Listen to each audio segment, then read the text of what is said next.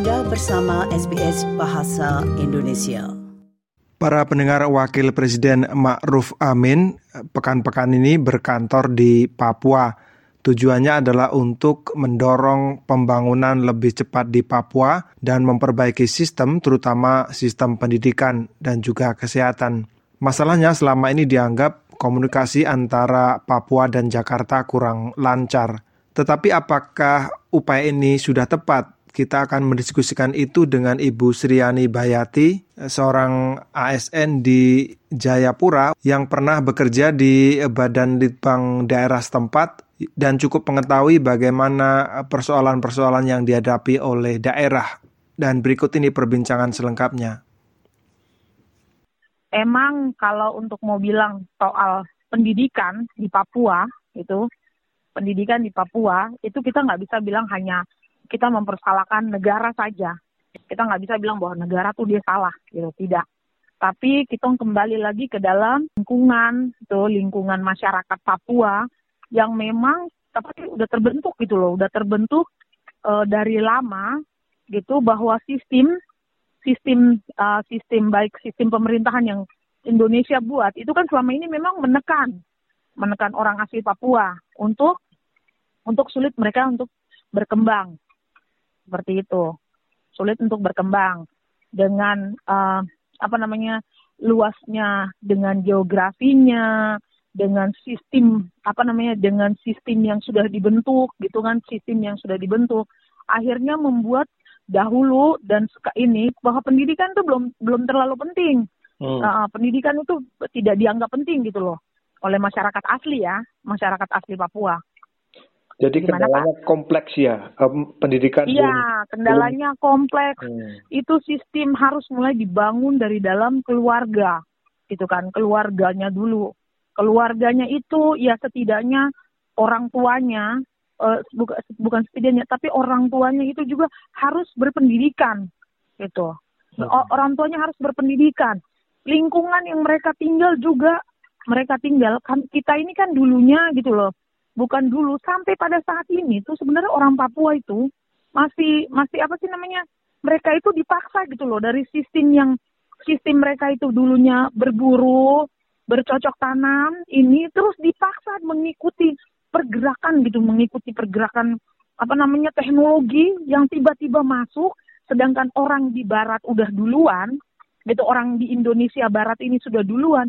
Kami di Papua ini dipaksa gitu loh untuk mengikuti teknologi yang uh, teknologi yang dibawa oleh uh, dari apa namanya dari Indonesia bagian barat gitu. Dengan kami punya geografi dengan lingkungan yang masih masih apa namanya masih apa, tradisional gitu, masih tradisional. Hmm. Kami punya orang asli Papua nih istilahnya dipaksa gitu.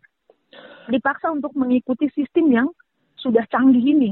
Artinya gitu. kalau misalnya mm-hmm. kendala geografis tadi misalnya pemerintah daerah menyediakan sekolah misalnya SD atau SMP itu, iya. sementara anak-anak Papua mm-hmm. ini berjarak sangat jauh dari lokasi sekolah. Dari itu. rumah menuju HA ke sekolah jarak. Hmm. Terus guru, guru ini kadang eh, guru-guru ini ditempatkan di Papua, eh, guru-guru entah itu mau orang asli atau orang pendatang yang datang, mereka hanya menjadikan guru itu sebagai batu loncatannya mereka, sebagai tempat untuk batu loncatan saja, hmm. gitu. Mereka bukan datang mengabdi dengan hati begitu, bahwa saya ingin mengabdi, saya ingin membangun uh, mental anak-anak Papua, saya ingin membangun SDM-nya anak-anak Papua, tidak. Tapi mereka hanya menjadikan guru ini, maksudnya mereka menjadikan uh, ini sebagai batu loncatannya mereka batu loncatannya mereka untuk da, uh, ditempatkan di uh, apa namanya untuk ditempatkan sebagai ASN di tempat yang lain gitu. Karena kan paling paling gampang nih kalau di Papua masuk itu kalau tidak jadi kesehatan dari guru. Dan guru dan kesehatan itu formasinya paling banyak hmm. penerimaannya yeah. uh -uh, formasinya itu paling banyak ditawarkan untuk kalau di Papua tapi uh-uh. tapi begini ya, tapi apakah pemerintah daerah menyediakan fasilitas belajar untuk siswa dengan lebih mudah sehingga mereka tertarik untuk sekolah misalnya? Ya inilah kembali lagi ke uh, oknum ya, maksudnya kembali lagi ke uh, hati gitu ya, hati hati kita sebagai maksudnya sebagai kalau seandainya sebagai guru, sebagai guru, kita kan harusnya sebagai melayani ya. Kalau untuk fasilitas uh, yang saya selama ini saya ada di ini tuh, maksudnya kami kan kabupaten tuh uh, SKPD apa namanya dinas tuh kan tidak besar, jadi kami tahu lah kinerja di dalam tuh. Jadi kalau untuk pendanaan itu sampai ada bos ini segala macam. Untuk guru pun sampai ada itu namanya mereka punya tunjangan pedalaman segala itu saya rasa sebenarnya itu udah cukup gitu hmm. Hmm. tapi ya kembali lagi ke oknumnya gitu kalau mereka nggak punya hati mereka tidak punya hati untuk membangun mereka tidak punya hati untuk mem memper ini SDM ya susah okay. akhirnya mereka hanya itu yang tadi saya bilang jadikan itu sebagai batu loncatan saja buat mereka hmm. untuk batu loncatan untuk mendapatkan jabatan yang lebih. Mm -mm. Kalau kita pengen cari solusi, menurut ibu, mm -hmm. uh, sebaiknya bagaimana sehingga uh, ya katakanlah kita bilang ratusan ribu anak di Papua ini bisa yeah. bisa mengenyam pendidikan. Saya tidak katakan sekolah ya, kalau sekolah itu sepertinya iya. sebuah yeah. lembaga begitu. Paling tidak mengenyam okay, pendidikan. Yeah. Bagaimana sebaiknya? Iya, mungkin ya kita hanya bisa memperbaiki sistem pendidikan ya memperbaiki sistem memperbaiki sistem pendidikan dan itu sebenarnya bukan hanya tanggung jawab negara itu tanggung jawab kita juga mungkin saya ya saya juga punya tanggung jawab dalam arti tanggung jawab saya kan orang tua saya orang asli Papua nih yeah. nah saya juga harus mulai dari diri saya uh, mulai dari diri saya menanamkan kepada anak-anak saya bahwa pendidikan itu penting gitu hmm. saya sendiri saya sudah mulai gitu loh mendidik anak saya bahwa uh, nak kamu harus selesai SD, kamu harus selesai SMP, kamu harus selesai SMA itu. Jadi mulailah dari diri kita. Terus sistem pendidikan itu ya mungkin harus tadi Ibu Anti Sulaiman juga ada bilang adanya asrama gitu ya salah satunya ya. Hmm. adanya asrama. Mungkin pemerintah daerah juga uh, mengawasi juga mengawasi apa sirkulasi apa namanya sirkulasi untuk banyaknya beasiswa. Karena se beasiswa itu kenapa sering ada mandek-mandek itu? Karena ganti pejabat ganti ganti pejabat yang pengelola beasiswa baik otsus maupun mungkin beasiswa dari kabupaten itu.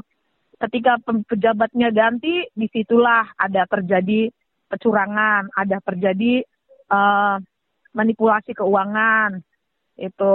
Nah kita sebenarnya harus uh, kita sebagai orang tua harus mulai memperbaiki uh, kita punya diri dengan uh, menun, apa namanya menga, mengajar atau ini untuk kita punya anak-anak. Tapi kalau sistem pendidikannya mungkin kita ya itu tadi dengan asrama, dengan asrama-asrama supaya mempermudah mereka.